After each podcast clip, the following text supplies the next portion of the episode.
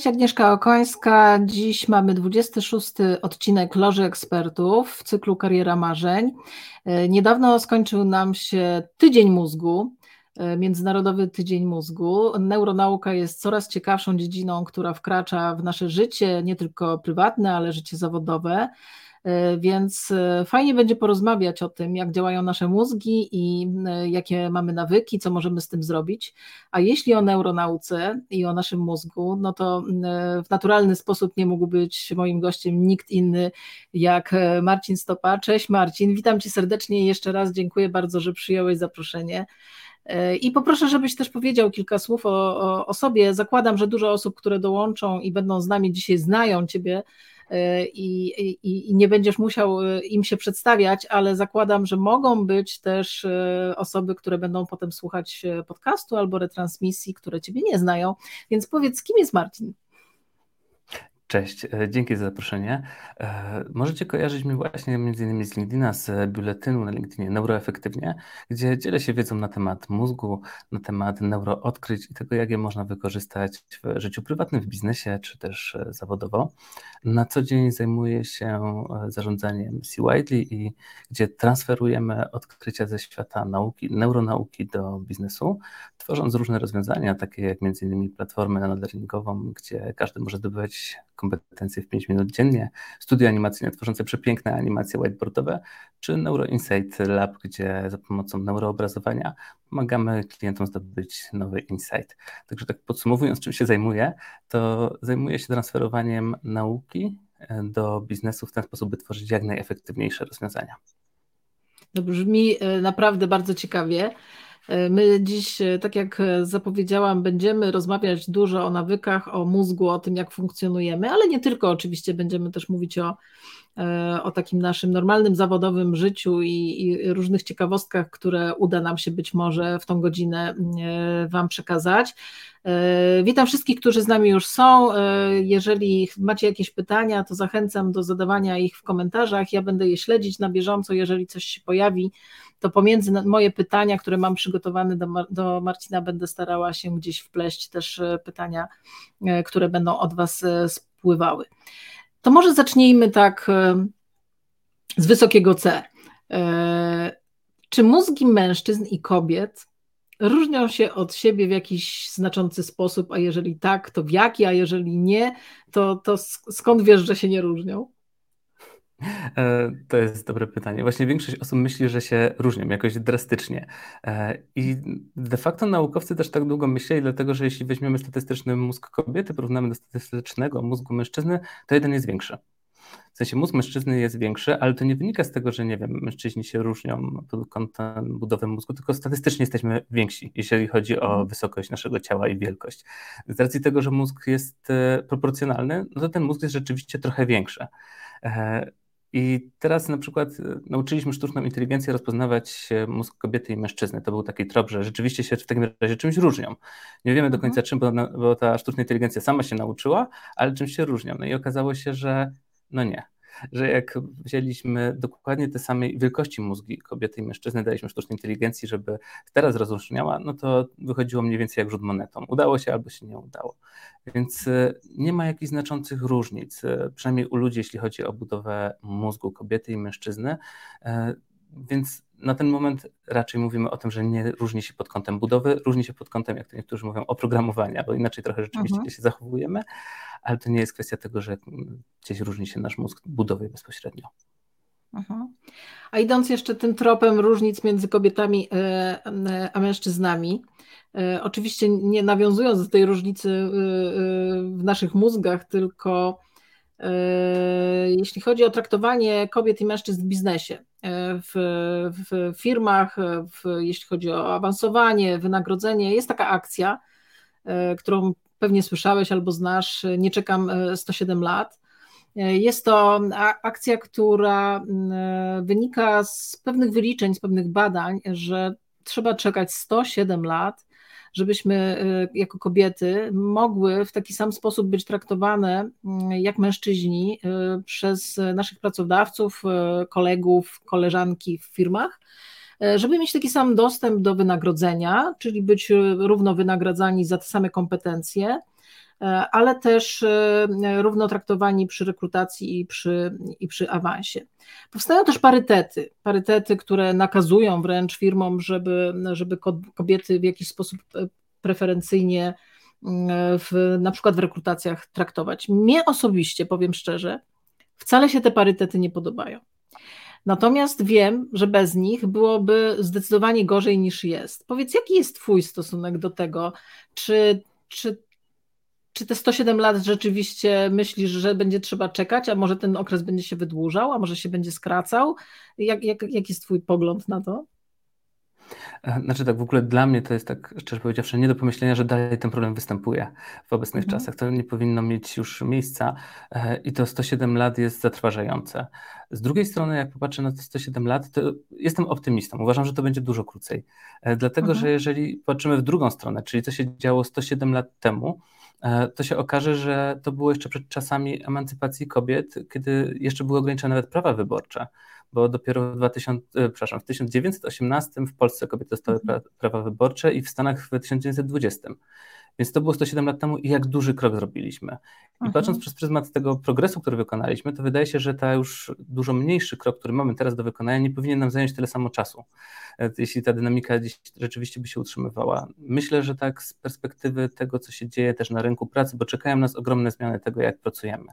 I to jest też szansa na to, że rzeczywiście wyrówna się sposób, w jaki są traktowane, traktowane kobiety i traktowani mężczyźni, żeby to był ten sam sposób traktowania przede wszystkim. Myślę, że to jest szansa, że to się stanie szybciej. Mm, też dynamika zmian społecznych jest dużo większa niż wcześniej. Jeżeli zobaczymy, jak świat wyglądał 30 lat temu i wzięlibyśmy mm. kogoś stamtąd, wyciągnęli, pokazali, jak teraz wygląda świat, to byłoby mu trudno się odnaleźć w tym wszystkim. E, więc myślę, że to jest kwestia maksymalnie około jednego, dwóch pokoleń, kiedy to rzeczywiście się zmieni, bo to jest jednak zmiana, która społecznie my wiemy, że to nie jest ok, tak? My społecznie wiemy, że nie mhm. powinniśmy traktować się e, z uprzedzeniami kobiet. Jest to nawet nieakceptowalne społecznie, ale wciąż występuje to, to przekonanie u niektórych osób, które blokuje po prostu te wszystkie działania, które są podejmowane. Więc najzwyczajniej w świecie musimy poczekać, aż osoby, które teraz są młode, które teraz kształcimy i które wiedzą, że tak nie powinniśmy się zachowywać, staną się osobami decyzyjnymi. Będą tą większością naszą społeczną, więc dlatego mówi się o tym, że to jest gdzieś jedno, dwa pokolenie, żeby zmiana ta społeczna się dokonała na takim poziomie, że rzeczywiście przestaniemy się z tym borykać. Ale zgadzam się z Tobą, bo jak się rozmawia z młodymi ludźmi, to oni nawet mam takie wrażenie, że nie, nie, są w stanie zrozumieć, w czym jest problem, tak? Bo dla nich ten, ten problem w światopoglądzie w ogóle nie istnieje na tyle, żeby go zauważyć.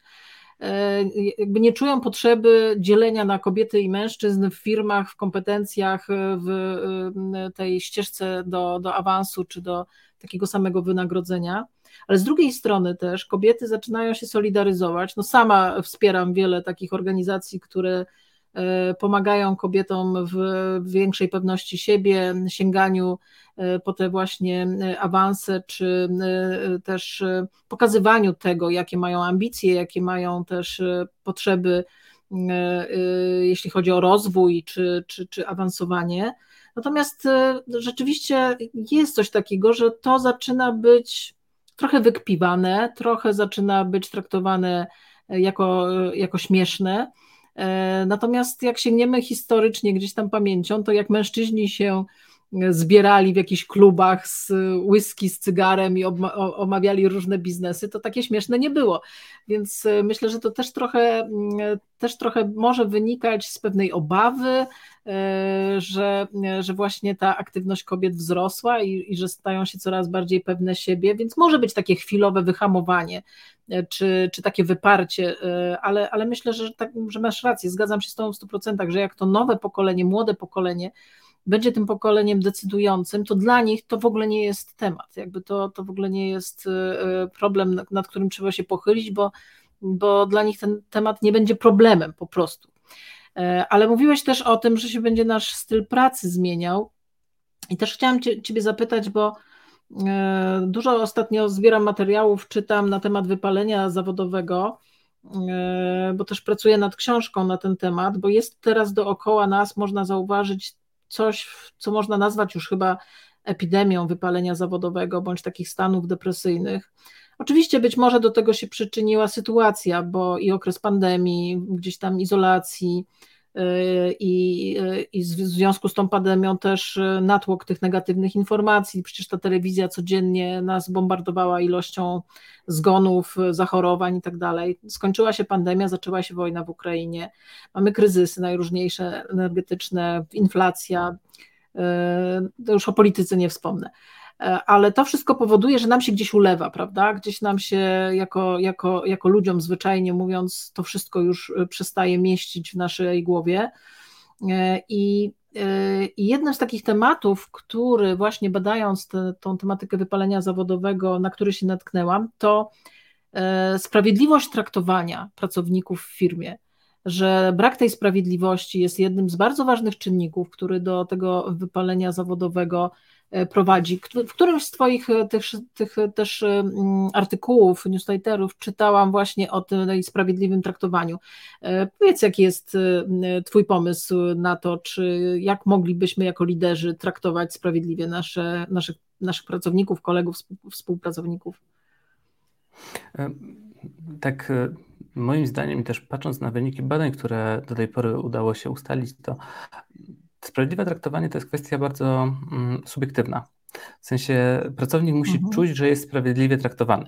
My nie możemy powiedzieć obiektywnie, że jesteś sprawiedliwie traktowany mhm. i masz tak uważać, tak? Każdy pracownik musi sam to mhm. jakby czuć, że jest sprawiedliwie traktowany. Mhm. To, co, tak, to co zdecydowanie tutaj pomaga, mm, to jest ta transparentność i zrozumienie. Jeżeli pracownicy rozumią, dlaczego takie działania są podejmowane, dlaczego ktoś się zachowuje w ten sposób, jest większa szansa na to, że rozumiejąc to, przy, przypiszą temu sprawiedliwe traktowanie. Mm, więc e, zdecydowanie ta transparentność, która też ostatnio staje się coraz takim e, większym standardem w biznesie, że jednak chcemy, żeby pracownicy partycypowali w tym życiu biznesu, żeby też wiedzieli, dlaczego coś się dzieje w biznesie, żeby mieli większą mhm. świadomość procesów, sprawia, że pracownicy czują się tego częścią, więc czują się też sprawiedliwie traktowani. Natomiast z drugiej strony sprawiedliwość jest też takim mieczem obusiecznym, dlatego że my z drugiej strony mamy, łatwo możemy poczuć, że jesteśmy niesprawiedliwie traktowani. Wystarczy, że się nie mhm. zgadzamy z czymś. E, a tutaj, jak wiemy, co człowiek, to, opi to opinia, więc mhm. bywa to dużym wyzwaniem, żeby rzeczywiście, zresztą wyobraźmy sobie ostatnie wydarzenia, które miały miejsce związane z masowymi zwolnieniami.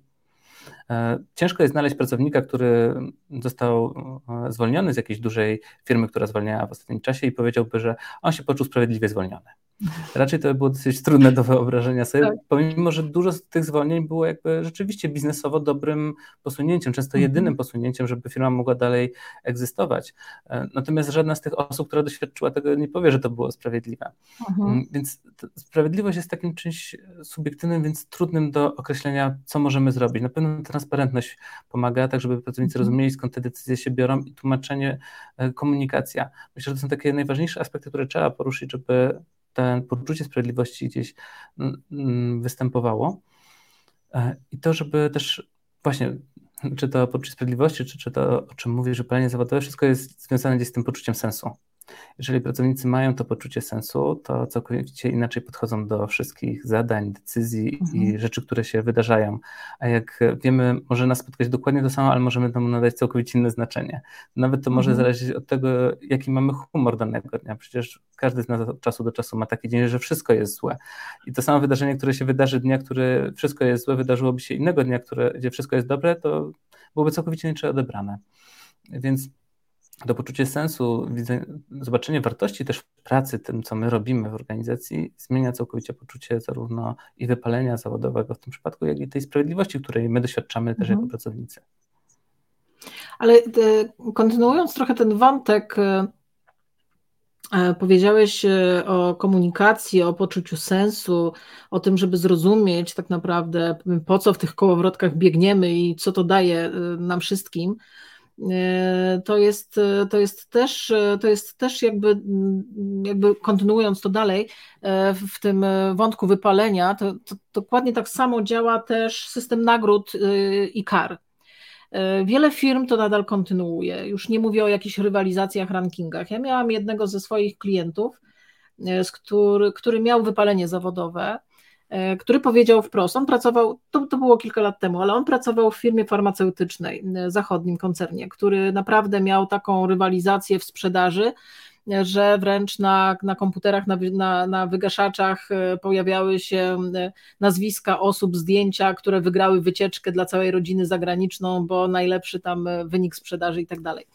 I co on mi powiedział, jak któregoś dnia odpalił ten komputer i mu się ta, ta, ta rodzina, która wygrała to, tą wycieczkę, wyświetliła na tym ekranie, to powiedział, że mu się po prostu przelało. E, bo on chciałby pracować dla tej firmy, lubił tą swoją robotę, jakby nie miał mm, problemu z pracą. Tylko on by chciał tam pracować dla idei, chciałby pracować dla wartości, chciałby pracować dlatego, że ta firma naprawdę miała fajne produkty, które naprawdę ratowały życie ludziom. On nie chciał dla tej wycieczki e, zagranicznej, e, ani dlatego, żeby się na tym ekranie pokazać, że wygrał. Nie chciał tego wyścigu szczurów i po prostu odszedł z tej firmy tylko dlatego, że pewnego dnia powiedział, że to się po prostu przelało nie? I, i, i gdzieś tam walnął głową w ścianę. I myślę, że wiele firm nadal tego nie rozumie, że ważniejsze jest przedstawienie jakie są wartości w naszej firmie, po co my to wszystko robimy, czemu to służyć ma. I tak naprawdę za dobry rezultat ta premia, jasne, że każdy chce mieć premię, tak? Ale ten bonus powinien być takim, to jest moje zdanie oczywiście, zadość uczynieniem za to, żeśmy wszyscy fajną robotę zrobili, tak? Takim gestem podziękowania a nie tą marchewką, która wisi, za którą należy y, y, biegać. I powiedz mi, y, bo też, bo też gdzieś czytałam, że pisałeś o tym, czy taka właśnie grywalizacja, czy, czy rywalizacja, rankingi, marchewki potrafią sabotować nasz zespół? Tak, zdecydowanie. Zresztą fajnie to pokazało badanie ostatnie Instytutu Maxa Plancka, i Szkoły Biznesowej w Barcelonie. Oni zbadali to na 112 studentach i 28 doświadczonych menedżerach. E, I to, co tam się okazało, to przekazywali informacje zarówno w dwa sposoby. Pierwszy sposób to była informacja dotycząca pracy całej grupy. I wtedy zaobserwowali, że zwiększał się poziom współpracy i osiągali lepsze wyniki. Natomiast kiedy pokazali, przekazali feedback w postaci rankingu i wyników osobistych w porównaniu z innymi, to nie dość, że obniżał im się poziom współpracy, to zwiększał się poziom rywalizacji, ale w ten sposób, że zmniejszała się produktywność. Mhm. E, co więcej, to co było też ciekawe, to menadżerowie byli są tak gotowi rywalizować, że byli w stanie poświęcić e, sytuację finansową czy utracić możliwość zarobienia tylko po to, żeby być wyżej w rankingu, żeby zostać mhm. lepiej ocenianym. Mhm. Mhm. Więc y, jakby całkowicie to było nielogiczne w tym przypadku, antyproduktywne. Y, więc rzeczywiście jest tak, że te rankingi sprawiają, że ok, mamy krótkotrwało gdzieś ten efekt, możemy zobaczyć wśród osób, które najbardziej rywalizują, ale jeżeli patrzymy na zespół cały, czyli mamy więcej niż, no bo do rankingu jest potrzebna więcej niż jedna osoba, więc jeżeli te osoby mają ze sobą współpracować, to raczej już nie jest dobrze robić rankingu. E, natomiast jeśli dajemy tą informację tą całej grupie, no to cała grupa ma możliwość pracy lepiej, razem, jako całość. Jeżeli porównujemy ludzi między sobą, to nie działa to najkorzystniej. Mhm.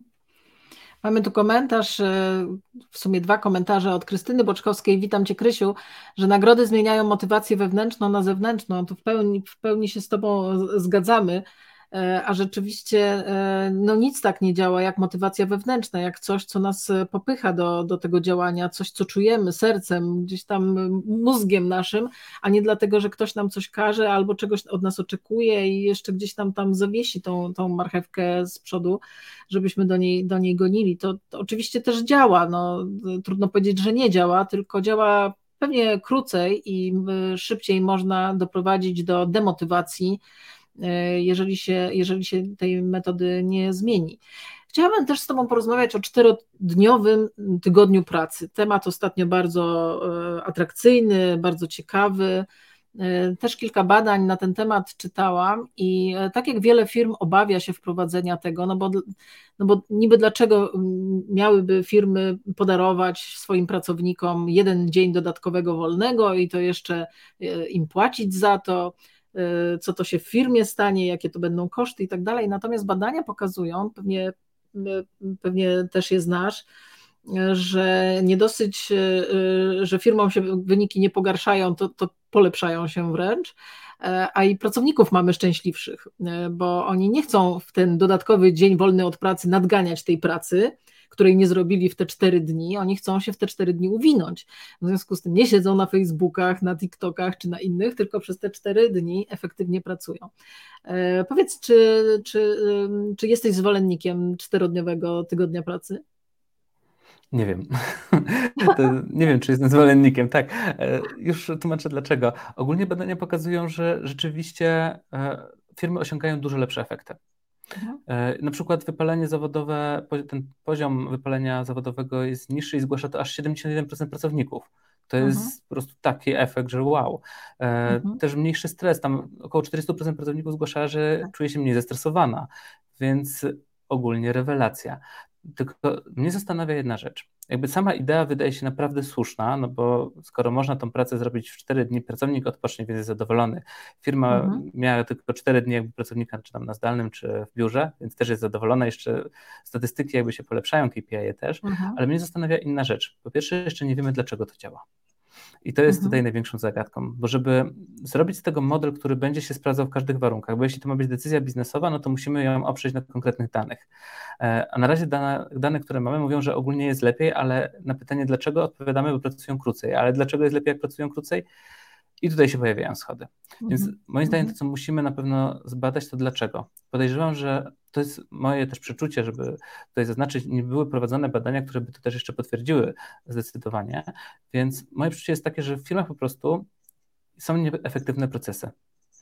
I jeżeli skracamy ten czas pracy, to my najzwyczajniej w świecie sprawiamy, że one się stają efektywniejsze same w sobie. Taka samoregulacja wewnętrzna mhm, następuje. -huh. Pracownicy właśnie nie spędzają czasu na Facebooku e, i tak dalej, i tak dalej. E, I teraz się pojawia pytanie, czy to jest kwestia tego krótszego czasu pracy, czy lepszej organizacji po prostu pracy. Bo być mhm. może się okazać, że my nie potrzebujemy rzeczywiście tych pięciu dni, potrzebujemy cztery, czy wystarczy żeby pracownicy pracowali na nie, pięć godzin dziennie. E, wystarczy tylko zastanowić się, dlaczego akurat to tak działa i dlaczego teraz to nie działa w ten sam sposób. E, mhm. Może się okazać, że jest jeszcze inne rozwiązanie i też zastanawia mnie cały czas, bo te robotogodziny tak zwane, my je wzięliśmy jeszcze z czasów e, industrialnych i dalej się tak rozliczamy. Dalej liczymy czas pracy przez te robotogodziny często. Natomiast to jest bardzo mało efektywny wskaźnik pracy, mhm. bo tą samą pracę, e, powiedzmy, że specjalista na poziomie, na podobnym stanowisku wykona w innym czasie. Jeden e, informatyk na przykład napisze kod w pół godziny, drugi ten sam kod będzie pisał dwie godziny, a płacimy za ten czas, który oni spędzają, a nie za efekt. Więc też trzeba się zastanowić, czy na pewno dobrze się rozliczamy z pracownikami. E, mhm. I to też e, fajnie pokazują niektóre eksperymenty, gdzie zmieniono sposób rozliczania pracowników z czasowego właśnie na zadaniowe. I okazało się, że oni nagle w ogóle te same zadania, które robili przez miesiąc, byli w stanie zrobić w 2-3 tygodnie tylko. I te zadania często były zrobione szybciej, więc było można szybciej zamknąć projekt, przejść do następnego. Były często wykonane też lepiej, bo pracownik nie rozwlekał tego w czasie, tylko po prostu siadał, skupiał się w 100%, wykonywał, oddawał. Więc mhm. ja myślę, że to bardziej pokazuje, że to, co teraz robimy, nie działa. Pokazuje, że najprostszą metodą jest skrócenie czasu pracy do 4 godzin, że na razie wiemy, że w większości przypadków, jeśli to skrócimy, to raczej będzie pozytywny efekt. Ale poznanie, dlaczego to się dzieje, na jakie niewydolności obecnego systemu to odpowiada i co poprawia, myślę, że da nam taki fajny wgląd w to, co możemy ulepszyć i sprawi, że ta praca będzie po prostu e, mądrzejsza, że będziemy pracować mądrzej, a nie więcej. Mhm. Wiesz, to też może być taki efekt świeżości, to znaczy ta, taki efekt poprawy efektywności i bardziej produktywność, większej produktywności pracownika przy przejściu na czterodniowy tydzień pracy, to może być efekt bezpośrednio po przejściu. I pewnie te badania też mają taki charakter, no bo to jest świeży pomysł. Natomiast pewnie po dwóch, trzech latach pracy w takim trybie te, te cztery dni będą dokładnie tak samo wyglądały i będą tak samo zagospodarowane, jak dzisiaj zagospodarowane jest pięć. Czyli znowu pojawią się jakieś nieefektywności, bo wszyscy się przyzwyczają, że to już są te cztery, to, to już są te standardowe e, więc to też może być taki efekt e, e, tego, tej, tej, tej zmiany. Mhm. I, I rzeczywiście chyba za krótko to jeszcze znamy, żeby, żeby y, wyrokować, y, że to jest taka mm, idealna metoda, która może gdzieś tam w przyszłości y, zafunkcjonować pozytywnie. I jeszcze jedna rzecz, o której powiedziałeś właśnie o tej wycenie naszej pracy, to też nie jesteśmy tacy sami, tak? I to różnimy się też naszą energią, taką wewnętrzną energią pracy. Są osoby tak zwane długodystansowe, które muszą po prostu pomyśleć, zastanowić się, przeanalizować, dopiero coś tam y, usiąść zrobić, a są takie, które muszą, muszą po prostu być w tym speedzie cały czas, bo inaczej nie potrafią, tak? I, i, i jeśli tego nie ma, to, to się męczą po prostu. E, i też e, taki nowoczesny lider musi też znać tą energię swoich pracowników, swojego zespołu i też tą pracę rozkładać tak, żeby efektywnie wykorzystywać każdego i to rozliczanie z czasu pracy, takie tradycyjne, też nie sprzyja temu, żeby właśnie dopasowywać mm, specyfikę zadań, czy też sposób ich wykonywania do tego, z kim mamy do czynienia w swoim zespole, z jakimi pracownikami, z jaką energią po prostu. Bo możemy, y, y, dając takie pod presją czasu zadania właśnie takim długodystansowcom, spalić ich i odwrotnie, dając jakieś zadania, które są wymagają dłuższego zastanowienia osobie, która ma zupełnie inną energię pracy, to, to ona też się wykończy w tym, bo powie, kurczę, no ileż można. Więc, więc myślę, że to też jest jakiś temat do, do przyszłości, temat do, do jakiegoś zbadania i pewnie już się, już się to, to gdzieś tam e, dzieje. Wiesz co, mnie też zastanawia jeszcze jedna rzecz, która często jest pomijana przy tym e, pytaniu, bo teraz się mówi, że ok, płaćmy tyle samo za 4 dni pracy. I to jest jakby super tak? Mhm. Ale mnie zastanawia inny aspekt. powiedzmy, że ok, przeszliśmy na czterodniowy dzień pracy, to się jakoś e, sprawdza, super. Ale część firm powie pracownikom, słuchajcie, my wam zapłacimy, no teraz to już będzie 25% więcej waszego wynagrodzenia za dodatkowy dzień pracy. I tak. czy wtedy przypadkiem pracownicy nie stwierdzą, że ok, to ja w takim razie, jeżeli mam dostać jedną czwartą podwyżki za ten dodatkowy dzień, czy nawet 20%, nawet 15%, to podejrzewam, mhm. że dużo osób powiedziało, że super, z chęcią, przyjdę w ten piątek, przepracuję ten piątek, zresztą pamiętam jak kiedyś piątki wyglądały, jak ten piątek to nie jest taki sam dzień pracy jak wtorek czy środa, więc mhm. przepracuję, mhm. ale dostanę dużo większe wynagrodzenie. Więc jeszcze może się okazać, że będzie taka transformacja do czterodniowego pra dnia pracy po to, żeby wrócić do pięciodniowego dnia pracy. No pewnie tak może być. Myślę, że, że będziemy to obserwować, bo te zmiany w dzisiejszych czasach zachodzą bardzo szybko. To, to naprawdę i zmiany, to chwilę rozmawialiśmy przed tym, jak weszliśmy tutaj na live, że te, książki o zarządzaniu sprzed 10 lat, to można już naprawdę odłożyć gdzieś daleko na półce, bo już nie ma co ich czytać, bo tam się po prostu już te historie nam nie sprawdzają w, w dzisiejszych czasach. Chciałabym jeszcze, mm, zanim wyjdziemy z tego wątku y, wypalenia zawodowego, jeszcze chwilę też o depresji. Y, niedawno obchodziliśmy Dzień Depresji. Y, I mm, podobnie jak wzrasta ta ilość osób z wypaleniem zawodowym, wzrasta też ilość osób, która ma po prostu depresję i, i to jest dokładnie z tych samych powodów, o których mówiłam, że, że po prostu ta, ta, ta rzeczywistość, która nas e, otacza, no nie każdy ją jest w stanie znieść, nie każdy jest w stanie to wytrzymać.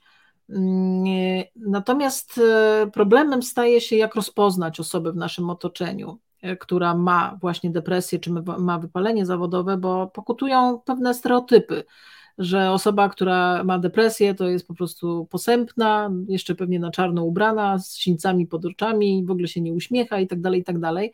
A wiemy, że tak nie jest i, e, i myślę, że takie mm, oficjalne obchodzenie nawet takiego dnia depresji pokazuje, że coraz więcej e, osób robi taki wręcz coming out, czyli mówi o tym, mówi, że, że, że przechodzi albo przechodziło depresję, jak to wygląda i że to wcale na zewnątrz tak e, łatwo nie da się tego rozpoznać.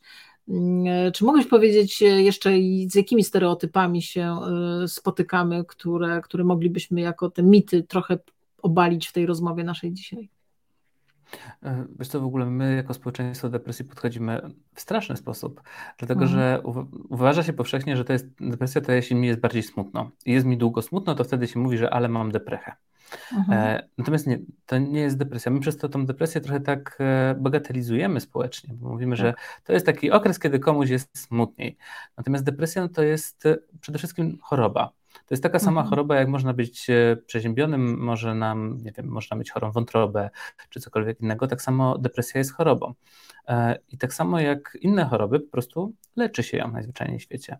Ale przez to, że my traktujemy w ten sposób e, osoby z depresją, czyli przede wszystkim to marginalizujemy je często.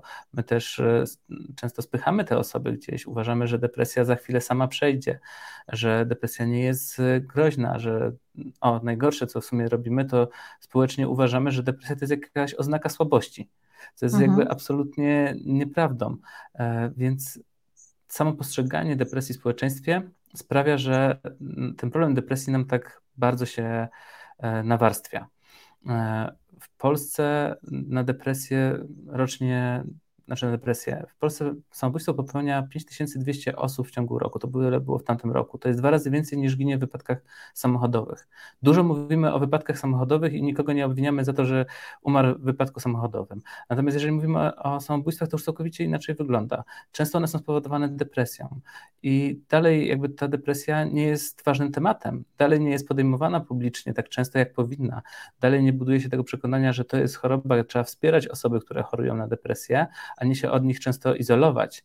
Więc y, tutaj znowu mamy duży krok do wykonania jako społeczeństwo. Chyba dzisiejszy odcinek będzie o tym, że musimy dużo zmienić y, społecznie, mhm. ale dużo mamy do zmiany, jeśli chodzi o to jako społeczeństwo, dlatego że tak naprawdę obecne mechanizmy, które działają, nie pomagają, wręcz szkodzą tym osobom. Też dostęp do pomocy, jeżeli mówimy już o tym, że mamy osobę, która jest chora na depresję, ma tą świadomość, chce podjąć leczenie, to ten proces y, jakby przejścia przez to leczenie czy otrzymania pomocy no to to jest coś strasznego. Jest żmudny, trudny, e, prywatnie kosztuje po prostu tysiące złotych, nawet czasem dziesiątki tysięcy złotych, więc to nie powinno tak wyglądać, e, a niestety tak wygląda obecnie.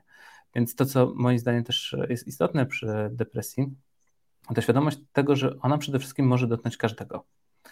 Mm, to znaczy, tak samo jak teraz każdy z nas się czuje zdrowy i nie wie, że będzie za jakiś czas, nie wiem, przeziębiony na przykład, tak samo jest z depresją. Większość z nas, jeżeli teraz myśli, że mnie to nigdy nie będzie dotyczyło, to my tego nie wiemy. Może się okazać, że za mhm. kilka lat rzeczywiście ten problem tak samo będzie nas dotyczył. E, I raczej ten problem staje się coraz większym problemem, znaczy coraz więcej osób rzeczywiście choruje na tę depresję, więc dlatego tak ważne jest mówienie o tym, e, edukowanie i pokazywanie, że traktujmy to jak chorobę, wspierajmy te osoby i też stwórzmy otoczenie, które będzie pozwalało łatwiej przejść przez to leczenie i, i ten e, etap zdrowienia. Myślę, że to jest tak Ale to tworzenie otoczenia, o którym powiedziałeś, to jest niezwykle ważne, dlatego że osoby, które nawet już wiedzą, że powinny się na przykład leczyć, to bardzo często proszą lekarza, żeby nie wystawiać zwolnienia na depresję, bo będzie stygmatyzacja potem w firmie, albo na przykład będzie trudno znaleźć pracę, bo będę mieć w papierach, że, że się leczyłem czy leczyłam psychiatrycznie, bo miałam na przykład depresję. Druga szokująca rzecz, no, w momencie, kiedy było brak miejsc w szpitalach, jak był początek pandemii, to pierwsze miejsca, które były adaptowane na miejsca covidowe, to były szpitale psychiatryczne i bardzo często nawet, które leczyły dzieci i po prostu te osoby, które miały problemy, były wypisywane do domu. I to też pokazuje, że to jest niepoważne traktowanie właśnie tego, tego tego problemu, e, nie traktowane na równi z innymi chorobami, a, a powinno być. I, I, rzeczywiście tutaj mamy wiele do, do zrobienia jako społeczeństwo. Ale żeby nie takimi smutnymi e, nutami od nas i od naszego odcinka dzisiaj leciało, więc chciałabym trochę o technologii, o tym, jak Twoim zdaniem technologia która się rozwija na, na, na, naszych oczach w sposób niesamowity. Można powiedzieć, że prze, przy, obserwujemy rewolucję e, technologiczną. E, czy ona może jak, w jakiś sposób e, zwiększać możliwości naszego mózgu? Tak, nawet już to robi. Mhm. To znaczy, technologia mm, odciąża nas z tych rzeczy, które są mniej istotne. Pozwala nam zautomatyzować te rzeczy, których niekoniecznie my musimy robić. I to jest dla nas o tyle cenne, że pozwala nam przerzucić tą naszą uwagę, skupienie e, na rzeczy, które są naprawdę istotne. Więc dlatego mm, nie pamiętam teraz, kto to powiedział, ale jest taki cytat, że to właśnie dzięki tej technologii, dzięki temu odciążaniu naszych, e, mm, naszych, e, naszej uwagi, możemy dokonywać w ogóle postępu jako cywilizacja. I to, co widzimy teraz, na przykład obecnie od kilku miesięcy bardzo głośno jest o czacie, więc mhm to są rzeczy, które rzeczywiście zmienią w najbliższym roku, dwóch mocno to, jak my patrzymy na świat, jak funkcjonujemy. Już to się dzieje zresztą. Mhm. E, patrząc chociażby, jak się rozwijają produkty cyfrowe związane, chociażby tutaj chyba teraz liderem jest Microsoft e, i to, jak e, tą sztuczną inteligencję łączy z różnymi rzeczami, na przykład podsumowanie spotkań na Teamsach, to patrzmy na to w ten sposób, że ktoś tego w końcu nie musi robić. To zostanie mhm. wykonane mhm. za kogoś i ta osoba może po prostu się zająć czymś ważniejszym, czymś, czego na razie sztuczna inteligencja nie może wykonać. Z drugiej strony też bezpośrednio myśląc o mózgu, to sztuczna inteligencja jest e, rzeczywiście pewną taką kopią naszego mózgu. W sensie staramy się odzorować te mechanizmy, które są w mózgu, e, przerzucić to na sztuczną inteligencję i sprawić, żeby to w końcu się działo tak, jak my chcemy. Ale z drugiej strony też mamy inne ciekawe rzeczy, jak chociażby interfejsy komputer-mózg. E, tutaj mhm. część osób mogła słyszeć o Neuralinku. To jest firma, którą współtworzy Elon Musk, gdzie wszczepiany ma być implant do mózgu, który posiada tam bardzo dużo elektrod i on tym prądem kopie nasze neuronki i nasze neuronki mają się zachować tak, jak e, przekazuje implant. Na razie to w ogóle jest strasznie. Mm, szukam polskiego odpowiednika e, słowa, że jest zdecydowanie więcej się mówi niż robi. W sensie to mhm. jest na tak wczesnym etapie, e, że to jeszcze bardzo długo tego nie zobaczymy a jak zobaczymy, to nie w takiej formie, na pewno jak teraz jest o tym mowa. Natomiast przez to, że tak to się stało popularne, omija się inne tematy, które dają dużo większe możliwości, jak na przykład e, neurofizjologia funkcjonalna, czyli EEG czy inne metody, e, pozwalają nam rzeczywiście monitorować tą pracę mózgu i sprawiać, że te interfejsy, chociażby komputer-maszyna, są możliwe do zrealizowania. E, sami na przykład sprawdzaliśmy interfejs mózg-maszyna, który pozwala na kontrolowanie drona gdzie rzeczywiście mhm. bez aparatury żadnej, tylko z ubraniem takiego pajączka na głowę możemy sterować dronem. E, więc to jakby jest możliwe już teraz. Teraz pytanie, w którym kierunku się to będzie rozwijało. Sami testujemy masę różnych technologii związanych właśnie z mózgiem, z tym, jak możemy rozszerzać nasze funkcje poznawcze, jak możemy odciążać, jak możemy też monitorować i przyszłość wydaje się naprawdę niesamowita pod tym kątem. Ale a propos właśnie takiego badania, jak mózg funkcjonuje, to Właśnie skończyłam czytać książkę Pozytywna inteligencja, może miałeś okazję kiedyś o niej usłyszeć. E, I e, autor e, właśnie bada, jak funkcjonuje mózg i wykorzystując neuroplastyczność mózgu, potrafi po, po krótkim, w sumie kilkudniowym szkoleniu, przesunąć tą granicę, gdzie mózg nas sabotuje i, i te czarne scenariusze kręci, do, do, w, tą, w tym kierunku, gdzie mózg nas wspiera i, e, i to pozytywne myślenie jest przeważające, właśnie tworząc nowe te ścieżki neuronowe. I to jest e, podczas rezonansu e, na początku szkolenia i pod koniec szkolenia jest udowodnione, że to faktycznie te nowe, nowe ścieżki zostały wydeptane podczas tego, podczas tego szkolenia. I dla mnie to jest bardzo fascynujące, że jesteśmy w stanie, właśnie wykorzystując tą naukę, wykorzystując to, jak działa nasz mózg, e, wpływać na to, jak, jak myślimy, jak postępujemy, jak pozytywnie jesteśmy albo negatywnie nastawieni do, do otoczenia, do życia i, e, i e, jak możemy na to wpływać, jak możemy to, to zmieniać. I, e, autor powiedział, że postawił sobie za cel, dzieci ma w wieku tam kilku i kilkunastu lat, że do momentu, kiedy osiągną lat 18, E, on chce, żeby ta pozytyw, ten, ten, ten wskaźnik pozytywnej inteligencji mierzony od 0 do 100 i w procentach, ile tam pozytywnie mózg nas e, wspiera albo sabotuje, e, żeby do 18 roku życia dzieci podkręcić do, 70, do, do 75%, bo to jest taki punkt zwrotny, w którym tak naprawdę już bardzo pozytywnie podchodzimy do życia i stwierdził, że on wtedy już nie musi swoich dzieci w nic wyposażać, on je po prostu puszcza w świat i one będą tak e, e, potrafiły wspierać się e, pozytywnym myśleniem, że będą w stanie osiągać po prostu sukcesy takie, które sobie gdzieś tam wyznaczą. Że dla niego to jest taka inwestycja we własne dzieci. I tak sobie pomyślałam, czytając to, że to jest dopiero rewolucja, jeśli chodzi o podejście do neuronauki, do, do tego, jak, e, jak e, powinniśmy mm, też wychowywać dzieci, e, żeby właśnie nie robić z nich takich oczekujących biorców wszystkiego, że wszystko dostają, tylko żeby wpływać na ich pozytywne myślenie a tak naprawdę my zostaliśmy w szkołach wychowani bardzo w negatywny sposób. Ja, ja pamiętam ze swojej szkoły, że nawet człowiek mógł góry przenosić, a zawsze był niewystarczająco mądry. Nauczycielka tylko na przykład na piątkę, a ty to na czwórkę. E, moja córka też, która aspirowała na, na studia do Niemiec i robiła maturę z rozszerzonego niemieckiego, to jej e, nauczycielka powiedziała, że życzy jej, żeby się nie dostała, tak? No bo będzie wstyd jej przynosiła. Więc jakie to pozytywne nastawienie z tych szkół e, te dzieci nasze wynoszą.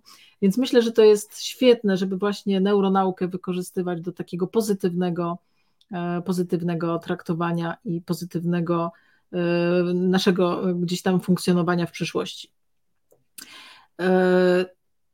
Czytałam też Twój artykuł na temat takiego cyfrowego zbieractwa, który mnie bardzo zainteresował i, i, ja mam sama z tym problem, powiem szczerze. Na telefonie pewnie mam ze 13 tysięcy zdjęć, z czego większość to są screeny, bo robię sobie w ten sposób notatki, jak coś widzę.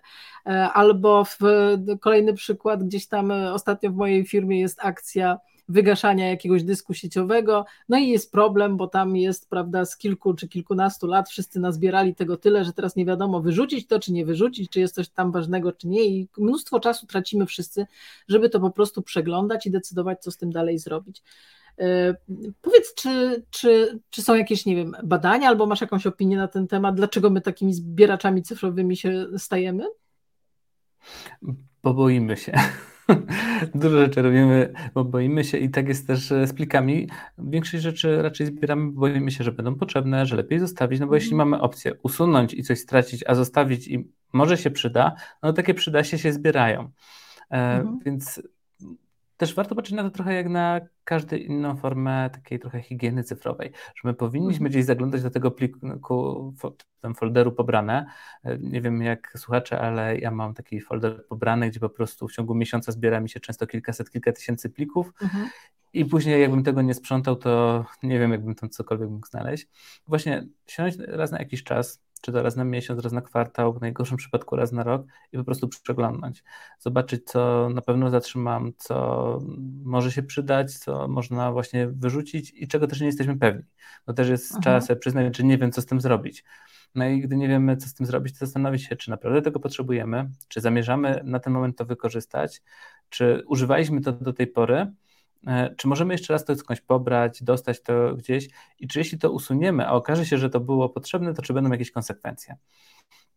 Więc e, takie, jakby założenie takich filtrów pomaga właśnie, żeby posegregować sobie to wszystko. Sam właśnie zobaczyłem, jak rozmawialiśmy wcześniej, ile ja mam zdjęć na telefonie. Okazało mhm. się, że to jest też około 5 tysięcy, ale z drugiej strony pomyślałem o tym w ten sposób, że ok, mam 5 tysięcy zdjęć na telefonie. Kilkaset wideo. Jeszcze te zdjęcia potrafią zajmować po 50 megabajtów uh mhm, -huh, jedno. Uh -huh, uh -huh. I później zacząłem zastanawiać, czy mi to przeszkadza. W sensie, czy naprawdę potrzebuję usuwać te zdjęcia, bo duplikaty się same usuwają. Gdzieś tam mam mhm. jakąś cudowną funkcję na iPhone, że jak coś kliknę, to się same usuną. E, więc rzeczywiście tych zdjęć tam trochę jest. Ja ich chyba nawet nie trzymam na telefonie, szczerze powiedziawszy, tylko one są jakoś w chmurze trzymane i bo czasem jak klikam stare zdjęcie, to tam pisze, że pobieranie i szybko się pokazuje na telefonie. Mhm, więc zacząłem się zastanawiać, czy rzeczywiście tego potrzebuję usuwać tych zdjęć. W przypadku akurat zdjęć, bo dla mnie na przykład takimi ważniejszymi plikami są zdjęcia, wszystkie inne gdzieś tam zawsze są skatalogowane, zawsze mamy cztery cztery backupy porobione tych plików, ale tak ze zdjęciami chyba jest najciężej się rozstać gdzieś, jak tak. usuwamy, tutaj jakbyśmy mhm. trochę usuwali taką cząstkę siebie e, i się zacząłem zastanawiać, czy potrzebuję to w ogóle usuwać. I się okazało, że w sumie to nie. E, tym mhm. bardziej, że za każdym razem gdzieś wymieniamy ten telefon, przynajmniej ja tak mam, że kupuję coraz większą tą pamięć wbudowaną w telefon.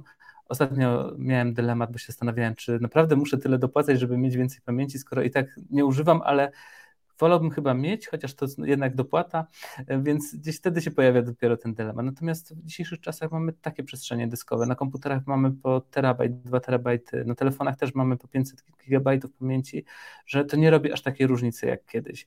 Więc często jest tak, że my sobie pozwalamy na to po prostu. Mhm. Tylko wiesz, to, to też jest takie trochę złudne, bo nie, może nie wszyscy pamiętają, ale kiedyś były na przykład kasety wideo i gdzieś tam nagrywaliśmy, jak nasze dzieci rosną na przykład, albo jak jakieś wydarzenia rodzinne się odbywały. Y, I tak szybko się zmieniła technologia, że te, te kasety wideo już są do niczego y, nieprzydatne. Y, mało kto pomyślał o tym prawdopodobnie, żeby gdzieś wykorzystać moment i zgrać to na jakiś inny nośnik bardziej nowoczesny. Gdzieś to utraciliśmy i być może to, co my dzisiaj zbieramy, też jest y, ulotne i za chwilę, y, za chwilę gdzieś nam to, gdzieś nam to y, przepadnie. I, I tak naprawdę mm, no nie zostanie tak jak nam w albumach po prostu po dziadkach gdzieś możemy odkopać w piwnicy i oglądać, tylko, tylko gdzieś to utracimy. Ale zgadzam się, że nie wszystko wymaga czas, znaczy nie wszystko wymaga, żeby to przeglądać i decydować, bo to też jest czas, tak, żeby to przeglądać i decydować, czy coś jest tam potrzebne, czy nie. Czasami jest potrzebna racjonalna decyzja, nie przeszkadza mi ta ilość, niech ona zostanie, bo ma jakąś wartość, tak, i wtedy mamy trochę taki rachunek kosztów korzyści, czy, czy warto tracić czas i to przeglądać, czy jednak bardziej wartościowe jest to, że to zostanie w takiej formie, w jakiej jest.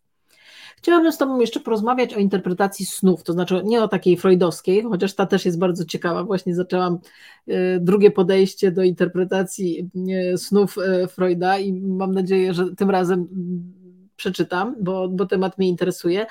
Ale czy czy z punktu widzenia osoby, która interesuje się funkcjonowaniem mózgu, jaką jesteś, czy Mm, czy jest y, y, rzeczywiście gdzieś w naszym mózgu zapisuje się na przykład coś, co robiliśmy i wtedy nam gdzieś tam w tych snach to się odtwarza? Czy to tylko takie jest złudne freudowskie? E, tak, znaczy to rzeczywiście jest tak, że sen, w ogóle sen jest kluczowy dla naszego funkcjonowania. E, bez tego byśmy nie byli w stanie w ogóle funkcjonować i mówi się, że nie możemy wytrzymać bez jedzenia i bez picia i jeśli tam nie jemy to, czy nie pijemy, to po kilku dniach może być z nami bardzo źle. A zapominamy, mhm. że bez snu to w ogóle tam dwie noce nieprzespane już jest tragedia. E, mhm. Więc sen jest kluczowy w ogóle dla naszego życia, bo wtedy to wszystko, co zebraliśmy w ciągu dnia, gdy idziemy spać, jest przetwarzane przez mózg i przenoszone do bardziej efektywnych regionów mózgu, gdzie będzie utrwalone. E, I teraz, jeżeli mówimy o śnie, to teraz dużo badań jest, które stara się sprawdzić, co tam się dzieje. Na ten moment wiemy, że podczas snu to, co przeżyliśmy w ciągu dnia, jest odtwarzane kilkadziesiąt razy, tylko że w przyspieszonym tempie. Mhm. Prawdopodobnie wtedy, gdy jest odtwarzane, nasz mózg wybiera, co zostanie utrwalone, a co niekoniecznie. Mm, to, co my widzimy jako sny, to są tak naprawdę często przypadkowe wyładowania w naszym mózgu, czy też po prostu odpalone sieci, gdzie blisko na przykład gdzieś zostało jakieś wspomnienie przesunięte, przeniesione i nasz mózg stara się zinterpretować to, co akurat się działo. Więc ta część świadoma mhm. nasza próbuje zrozumieć, co się dzieje w tej reszcie mózgu, ale dostaje szczątkowe informacje, więc e, trochę tak jak w tym czacie GTP, że wpiszmy zdanie i zobaczmy, całą historię do tego dorobi. To trochę nasze sny właśnie tak wyglądają, że są jakieś szczegóły, a on stara się ubrać całą resztę i nam pokazać. Mhm. Ciekawy eksperyment, właściwie dwa takie ciekawe eksperymenty były przeprowadzone. Jeden to był na szczurkach niestety to zawsze są szczurki, e, założono im takie urządzenie, które mierzyło ich aktywność neuronów w hipokampie podczas dnia. E, dzięki temu było można wiedzieć, jak one się poruszają. Później na podstawie tych danych stworzono dekoder i sprawdzono ich aktywność mózgu w nocy. Co się okazało, mhm. ich aktywność mózgu określiła dosłownie trajektoria ich poruszania się. Więc było mhm. można na podstawie odczytu tak, snu mhm. stwierdzić, gdzie był szczurek dzień wcześniej. E, mhm. Drugie ciekawe badanie, ostatnie, e, które widziałem, to jest stworzenie dekodera obrazów e, na podstawie skanu mózgu, czyli na podstawie aktywności w korze wzrokowej stworzono dekoder, który na podstawie tego, co, jakie tam, jaka była aktywność, no odtwarzał obraz. Trochę też tak jak ta sztuczna inteligencja, w której wpisujemy mm -hmm. znowu dwa zdania, on tworzy jakiś obraz. I właśnie z jednym z tych silników połączono te dane z funkcjonalnego rezonansu magnetycznego i okazało się, że efekt jest trochę zatrważający, bo rzeczywiście były było podobieństwo. Więc znowu możemy w pewien sposób te informacje wyekstraktować z naszego mózgu, czy raczej z aktywności. Chociaż nie mamy się czego bać, bo tak wyjaśniając, jak wygląda funkcjonalny rezonans magnetyczny, to wjeżdża się do takiej olbrzymiej tuby, leży się tam kilkadziesiąt minut, więc myślę, że ciężko, żeby ktoś nas tak zaskoczył takim czymś i odczytał nasze e, wspomnienia. Ale za 10 lat. Dos... Na razie możemy dosłownie spać spokojnie, jeśli o to chodzi. Y, jeszcze, y, wiesz co, mam dwa czy trzy takie mm, stereotypy właśnie, takie popularnie przenoszone y, poglądy, które chciałabym zbić z Twoją wiedzą. Na przykład słyszałam kiedyś taką opinię, akurat też miałam w rodzinie osobę, która jest leworęczna, I, I, zawsze słyszałam, że osoby leworęczne są mądrzejsze, bardziej inteligentne, bo inna półkula mózgu jest bardziej rozbudowana i one właśnie dlatego są leworęczne. E, I, i rzeczywiście e, to ma jakiś wpływ na, na, na, na ten poziom inteligencji tej osoby, czy jej sprawność jakąś taką umysłową, powiedzmy sobie. Czy, czy, czy to jest mit, czy to jest, czy to jest prawda? Że która, która półkula mózgowa bardziej u nas lepiej funkcjonuje, to jesteśmy bardziej sprawni bądź mniej sprawni. E, to jest w ogóle ciekawa historia, bo to trzeba byłoby się cofnąć do 71 roku. New York Times napisał artykuł na podstawie badań, tylko źle zrozumieli badania. I napisali, że e, jesteśmy lewo i prawo półkulowcami. I tam mhm. przepisali rzeczywiście, że nasze, nasze cechy charakteru wynikają z tego, że któraś z tych półkul jest bardziej aktywna. Natomiast badania, na których oni się oparli, dotyczyły całkowicie czegoś innego. Chodziło o to, że występuje aktywność bardziej po jednej stronie przy jakiejś czynności, a czasem po drugiej. Mhm. Tylko no jak już poszło w gazecie, no to gazety mają, miały wtedy dalej zresztą, mają większą siłę przebicia niż praca naukowa. No i tak przez te 50 lat y, utrwalił się ten mit rzeczywiście, że tak, że któraś półkula jest dominująca i sprawia, że my się całkowicie inaczej zachowujemy.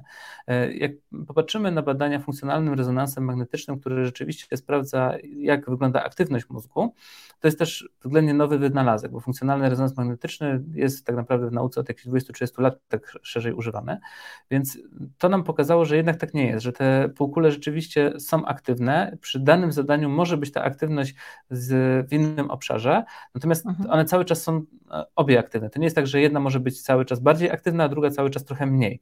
No to jeżeli byśmy mieli taką sytuację, to byłaby sytuacja raczej patologiczna i stwierdzająca, że ktoś jest chory na coś, niż mówiąca, mhm. że tak każdy z nas ma. Dlatego to jest mit, jeżeli o to chodzi. Natomiast też e, ciekawa sprawa okazała się z tymi leworęcznymi.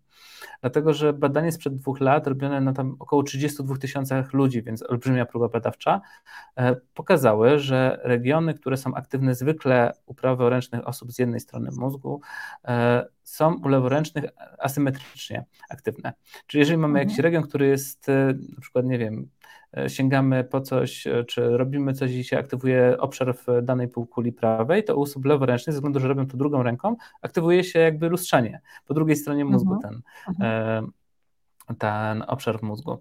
Więc istnieje jakby różnica na podstawie tego, ale ona wynika z tego, że nasz mózg jakby dąży do optymalizacji, też połączenia między tymi funkcjami, które realizuje. Więc jeżeli my więcej rzeczy robimy lewą ręką, no to siłą rzeczy musiał tam jakby przenieść te funkcje, czy skupić funkcje bliżej tego obszaru, który częściej jest aktywny.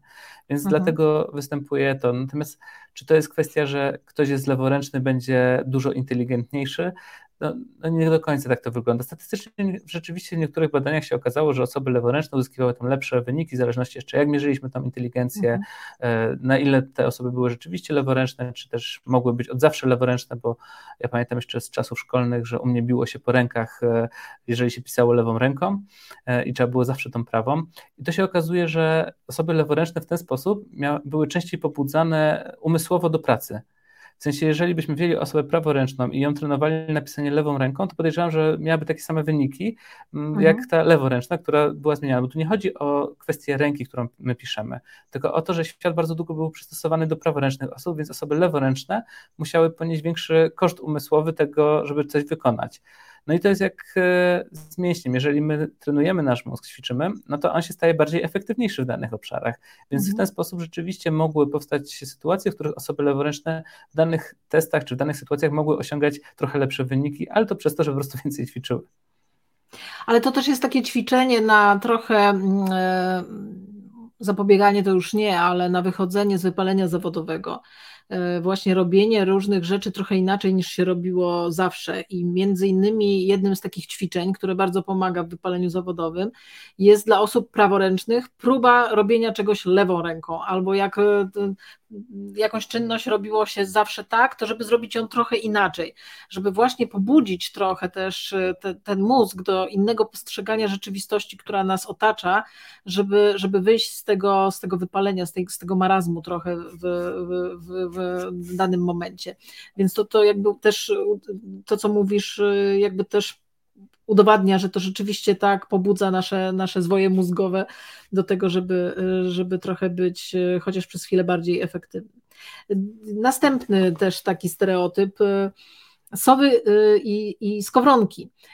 Ja ostatnio przeczytałam książkę Klub Piąta Rano. No świetna ta metoda i wszystko mi się podobało i po prostu bardzo chętnie bym to wszystko zastosowało, tylko że ja strasznie nie lubię wstawać rano, mogę pracować po nocach.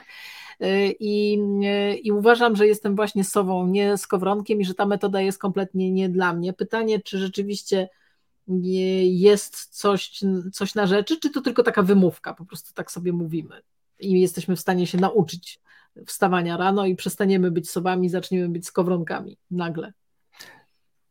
W sumie jedno i drugie. W sensie rzeczywiście jest tak, że niektóre osoby e, lepiej, znaczy naturalnie przychodzi im późne chodzenie spać i wstawanie trochę później też. Mhm. Sam jestem osobą, która bardzo długo mogła sobie też pozwolić na to, żeby wstawać około 10-11, więc chodziłem spać około godziny 2-3. E, mhm. I teoretycznie super. Wiele osób powiedziałoby, że wow, fajnie też tak chcę. Tylko, że problem jest taki, że wtedy jakby wybija się z rytmu funkcjonowania z resztą społeczeństwa. Bo jeżeli staje mhm. się tak późno, no to wszyscy już są na nogach od wielu godzin, więc my też mamy mniej czasu, żeby wszystko w tym czasie zrobić. E, mhm. Więc to nie jest dobra metoda. Więc pojawia się pytanie, co w takim razie zrobić? Czy jako, osoba jest, czy jako osoby jesteśmy skazani na wykluczenie społeczne i w ogóle tragedia? Na szczęście nie. E, mhm. Rzeczywiście jest e, profesor na Stanfordzie, który zajmuje się tematyką snu od wielu lat, Palajo się nazywa i on właśnie ostatnio wydał taką bardzo ciekawą książkę z artykułem też, co można z tym zrobić. Czy możemy rzeczywiście zmienić ten nasz rytm dobowy? E, przetestowałem to i byłem w szoku. E, że rzeczywiście niewiele rzeczy, takie drobne rzeczy, które możemy wprowadzić, zmieniły całkowicie ten rytm dobowy. Obecnie jestem w stanie wstawać rzeczywiście o siódmej i od razu wyskakiwać z łóżka, być pełnym mhm. energii i funkcjonować, chodzić spać o, już jak to mówią o normalnych porach. Więc to jest do zrobienia. Mm, takie sześć kroków, które on opisał tam, to przede wszystkim zastanawiam się, jaka jest ta idealna godzina, o której my chcemy wstać, żeby wybrać taką idealną godzinę, ale nie jak długo my chcemy spać, bo by nam wyszło gdzieś około 13 często, tylko która jest godzina, że my byśmy, wiedząc, że się zawsze obudzimy wyspani, to o której chcielibyśmy wstawać.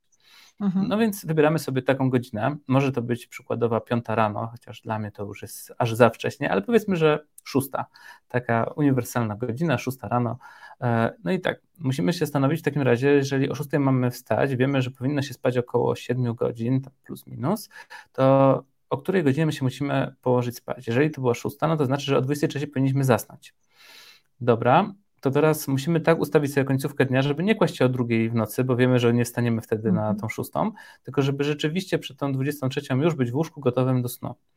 E, to, co jest istotne, to żeby rano e, nie ustawiać sobie dżemki. W sensie słyszymy budzik, wstajemy, wychodzimy z łóżka od razu. I to jest coś, co jakby nie, nie wiedziałem, że tak dużo może zmienić. Ja byłem fanem drzemki. Potrafiłem tą drzemkę po prostu wcisnąć nieraz trzy, cztery razy Czasem mhm. już nawet później nie słyszałem, bo zostałem z powrotem głęboko. Więc y, trzeba powiedzieć stop dla jakichkolwiek drzemek, stop dla też drzemek w ciągu dnia, bo wtedy zmniejsza się nam to ciśnienie na sen. Jeżeli pójdziemy mhm. spać w ciągu dnia, no to później też zaśniemy jakby trochę później, więc staniemy też później i cały nasz misterny plan przepadł. Dodatkowo to, co jest ważne, to mm, nie wiem, czy, czy, też tak masz, ale czasem jak czeka mnie coś e, ważnego, to aż mi się chce wstawać. Ja się budzę przed budzikiem po prostu chwilę i ja już jestem mhm. gotowy. Dzisiaj zresztą nawet tak miałem, że ja już przed budzikiem, przed budzikiem byłem e, gotowy, wstałem i byłem gotów, żeby rozpocząć ten dzień, miałem mnóstwo energii e, i to jest ważne, żeby znaleźć sobie rano jakieś takie zajęcie, które nas będzie do tego motywowało.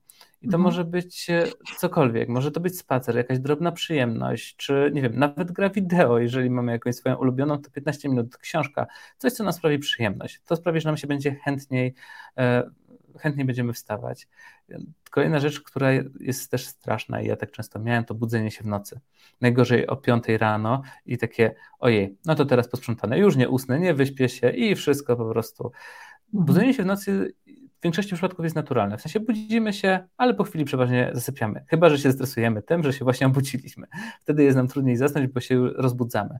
Więc jeżeli przebudzamy się w nocy, no to po prostu trzeba się z tym pogodzić, spróbować zasnąć, poleżeć, zobaczyć, co się wydarzy. No i przede wszystkim no to trzymanie tego wszystkiego już w ryzach, tak żeby pilnować tego, nie iść, nie robić sobie tych drzemek, w weekendy sobie nie odpuszczać, to jest bardzo ważne. Ja na początku popełniłem kardynalny błąd, bo cały tydzień pięknie wstawałem o 7 rano, po czym w weekend spałem do 10 czy tam 11 i później jak w poniedziałek mi przyszło wstać o 7, to nic z tego były. Więc ważne jest to, żeby nawet jak mamy te weekendy, maksymalnie przenieść to czas spania o godzinę, ale nie dalej. I później rano, jak wstajemy, rzeczy, które też potrafią niesamowicie dużo zmienić, to ekspozycja na światło słoneczne. Wyjść na 5-15 minut na światło, czy to nawet otworzyć okno, na wejść na balkon, przed dom, pójść na krótki spacer, ale na to światło słoneczne rzeczywiście wyjść, chyba że wstajemy w zimie, kiedy jest jeszcze ciemno, to jest trochę trudniej, ale wtedy można się posiłkować nawet żarówką. Sztuczne światło nie jest tak mhm. dobre, ale chodzi o to, żeby do naszych oczu e, dotarło jak najwięcej światła, żeby pobudzić je, bo oczy są takim mhm. przedłużeniem trochę mózgu, więc dzięki temu my pobudzamy cały nasz mózg, mówimy mu, ok, wstajemy. To, co też u mnie się świetnie sprawdziło, robiłem dwa podejścia. Pierwsze to były ćwiczenia rano, to się u mnie nie sprawdziło. Natomiast to, co się u mnie sprawdziło, to były zimne prysznice. One tak pobudzają i rozbudzają, że nawet jak się czasem e, dochodziłem do tego prysznica już taki zaspany, to jak już odkręciłem tą zimną wodę, to od razu mi się odechciewało spać. Więc to też jest rewelacyjny sposób, żeby wstać o tej godzinie, o której chcemy. A czy to prawda, że trzeba 60 dni pod rząd coś robić, żeby stało się nawykiem? Czy to też jest jakiś mit? To zależy. W sensie naprawdę to zależy bardzo od tego, co to jest, dlatego że jeżeli na przykład to jest bardzo przyjemna czynność, która nam się podoba, to wystarczy niewiele powtórzeń. E, mózg robi już swoje i utrwali tak mocno, że to się stanie naszym nawykiem. Jeżeli to jest coś, czego nie lubimy robić, to mhm. czasem nawet i to 60 nie może być za mało. E, mhm. I też pytanie, czy rzeczywiście za każdym razem robimy to w takim samym scenariuszu. Powtarzamy dokładnie te same czynności. Więc to zależy, natomiast jeżeli chodzi o takie nawyki, to mówi się, że rzeczywiście te minimum 4 tygodnie do tych 2-3 e, miesięcy to jest taki okres, kiedy my jesteśmy w stanie rzeczywiście zbudować nawyk, który będzie nam się jakby odpalał automatycznie już. Marcin, strasznie dużo pytań jeszcze chciałabym Ci zadać, a już minęła nam godzina.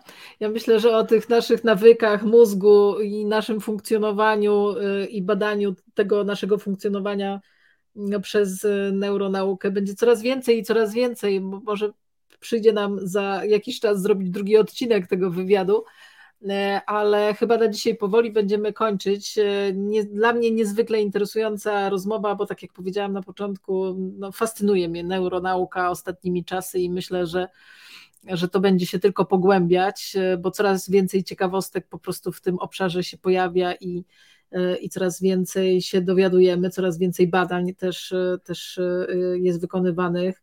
E, wszystkich, którzy nie, nie, nie śledzą e, tych ciekawostek, o których e, Marcin pisze na LinkedInie, ale też wysyła maile z tymi ciekawostkami, to zachęcam do subskrypcji, bo naprawdę to są świetne rzeczy i myślę, że, że takie, które warto wykorzystywać w dniu codziennym w naszym zarówno korpo życiu, jak i życiu prywatnym. E, także mm, chciałam Ci bardzo serdecznie podziękować za tą bardzo, bardzo interesującą e, rozmowę. Wszyscy, którzy z nami byli, też Wam bardzo dziękuję za wszystkie komentarze i, i za to, że byliście.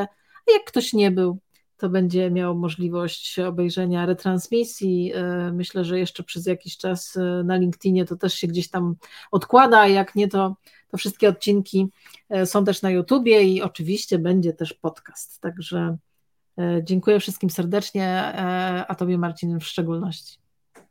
Dziękuję. I do zobaczenia chyba nie za tydzień, bo już coraz, e, coraz mniejsza ta częstotliwość jest, ale mam nadzieję, że nadrabiamy jakością. Także do zobaczenia wszystkim.